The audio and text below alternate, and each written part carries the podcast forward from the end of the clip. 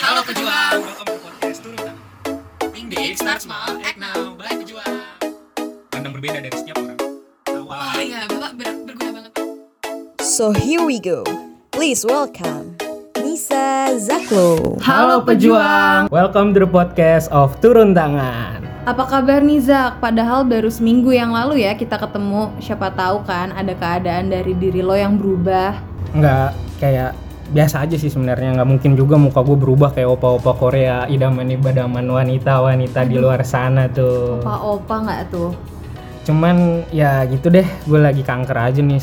Kanker Iya kayak kantong kering gitu deh, finansial nih. Disiram dong biar nggak kering Susah nih, emang pandemi itu besar banget ya dampaknya. Kayak bahkan sampai ke usaha ekonomi orang luar biasa loh efeknya. Itu sampai gua bisa sampai kekeringan gini yang notabene gue punya bisnis kan. Eh, harusnya ada income masuk. Ya gara-gara pandemi gini nih seperti itulah keadaannya. Iya sih dampaknya emang besar banget. Tapi di keadaan kayak gini lo tuh disuruh untuk survive dan lebih kreatif inovatif lo Zak Lo bisa lihat Zak banyak orang-orang yang di PHK sampai untuk biayain kehidupan sehari-hari aja tuh mereka nggak ada atau nggak mencukupi. Sampai akhirnya mereka dituntut untuk berpikir keras gimana caranya menghasilkan uang untuk kehidupan mereka sehari-hari. iya emang bener sih keadaan kayak gini tuh kita dituntut untuk lebih kreatif dan inovatif. Eh tapi ngomong-ngomong lu pernah nggak sih nis mikir kayak di sisi berbeda saingan lu itu semakin berat dan sempit gitu nis Bener banget, gue sih merasa banget ya apalagi untuk fresh graduate fresh graduate ini kan. Nah makanya itu harus ada critical thinkingnya. Gue mau nanya nih Zak, coba setelah 8 bulan berlalu pandemi nih, apa aja sih yang berubah dari kehidupan lo dan diri lo gitu? Mungkin sifat atau kebiasaan yang ada di diri lo? banyak sih kebetulan Eh, kebetulan pas waktu masa pandemi ini gue sempat kuliah dan lulus gue lulusan covid nih ngomong-ngomong Oh mahasiswa iya online. mahasiswa online. Ya semester semester akhir gue ini dihabisi dengan online kelas sih. Terus gue juga sempat magang ngerasain WFO sempat magang juga ngerasain WFH terus sempat jadi job seeker selama dua bulan. Itu sih ngerubah gue kayak se-struggle itu nyari kerjaan di masa pandemi ini. Dan ini ngebuat gue harus setiap hari upgrade diri gue gimana pun caranya. Kayak teman-teman gue di luar sana sebenarnya ini pesan aja sih. Teman-teman gue di luar sana banyak banget yang protes tentang wisuda nggak jelas atau segala macem. Tapi satu sisi setelah gue pikir-pikir gue ngapain buang-buang tenaga buat mikirin hal-hal yang kayak gitu loh. Kayak lebih baik gue mikirin gimana caranya supaya gue tuh bisa eh, dapat kerjaan dan ya kebetulan alhamdulillah turun tangan nih nerima gue sebagai anak magang juga kan. Iya. Uh, di situ gue mikir sebelumnya itu ada proses yang harus gue jalanin. Gue harus gimana caranya upgrade diri upgrade CV gue setiap hari kayak nge-review CV gue setiap hari apa sih yang kurang gitu. Ya di masa pandemi ini kita dituntut untuk berpikir kreatif yang pastinya nih bener nggak nih Bener banget, gue setuju banget. Apalagi gue juga sama kayak lo Zak. Di umur 20 tahun ini pasti kebingungan juga kan. Apalagi dengan keadaan pandemi kayak gini tuh pasti mikir Gue bisa apa ya di keadaan seperti ini? Pasti tuh nyari-nyari jalan. Iya, bener-bener sumpah. Gue Iya kan? gue tuh kayak mikir di umur-umur kayak kita itu kita harus nentuin karir kita mau ke mana nih Bener banget. Dan pesan juga untuk para pendengar harus mau mencoba hal-hal baru. Jangan takut Nah. keluar dari zona nyaman sih Benar, itu. itu dia. Untuk mencoba hal-hal baru yang jelas kita harus kreatif, bener nggak? Bener banget Berarti kan Pak nih Iya pak, iya bu. Kayak gue tua banget ya Nis ya. Kita kan beda setahun doang ya Nis ya kira-kira. Ya nggak apa-apa. Pandemi ini tuh menjadi tantangan untuk diri kita dan membawa sisi positif terhadap bener kehidupan banget. juga kan. Banyak banget sisi positifnya, tapi yang gue sayangin di luar sana masih banyak orang-orang yang ngurusin sisi negatifnya, kayak gitu loh. Karena ya ada dinding penghalang itu untuk berinteraksi secara langsung. Jadi tantangannya tuh rasanya tuh semakin sulit gitu Zak. Iya sih, eh, tapi ini bisa buat diri kita semakin tertantang gitu. Di sisi lain melatih mental juga bener nggak nih? Bener Anak banget. psikolog nih temen gue Bener nih. banget. Ya salah satunya dengan cara sabar. Yang pastinya jangan kesabaran nungguin yang nggak pasti dong.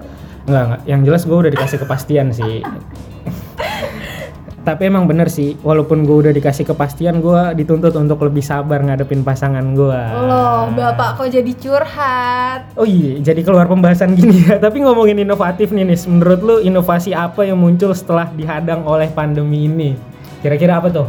Menurut gue banyak banget.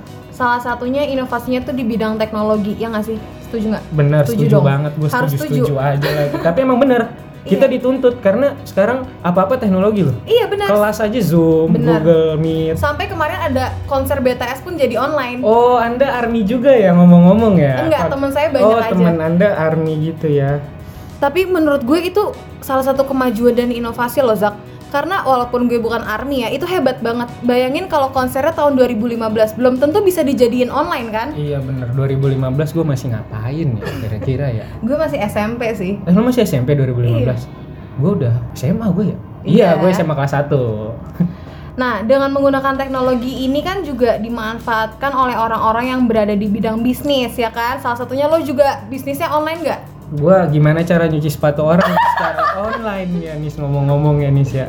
Tapi ya dari segi pemasarannya sih gue harus lebih tekanin di digital marketing. Soalnya gue biasanya gue. kan eh, ruang lingkup gue di anak-anak kampus ya Di kampus lo loh Tapi lu gak pernah cuci sepatu di gue loh Ya kan gue baru kenal lo. Nanti ya next ya, Oh, iya. Oke, gue next. cuci sepatu Buat di para lo. pejuang yang mau nyuci sepatu bisa nyuci sepatu juga kok di gua. Silakan hubungi DM. Eh, udah, Nggak udah, usah, udah, nggak, udah. Ya udah, oke. Ya kalau gue sih lihatnya dari sisi yang berbeda nih, bukan dari sisi inovatif maupun kreatif, tapi melihat rasa inisiatif dan empati.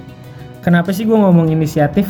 Eh, pertama, orang-orang yang mampu jadi punya inisiatif untuk berbagi karena didukung rasa empati tadi. Ternyata melihat hal ini banyak banget loh orang baik kan, bener nggak nis? Bener sih.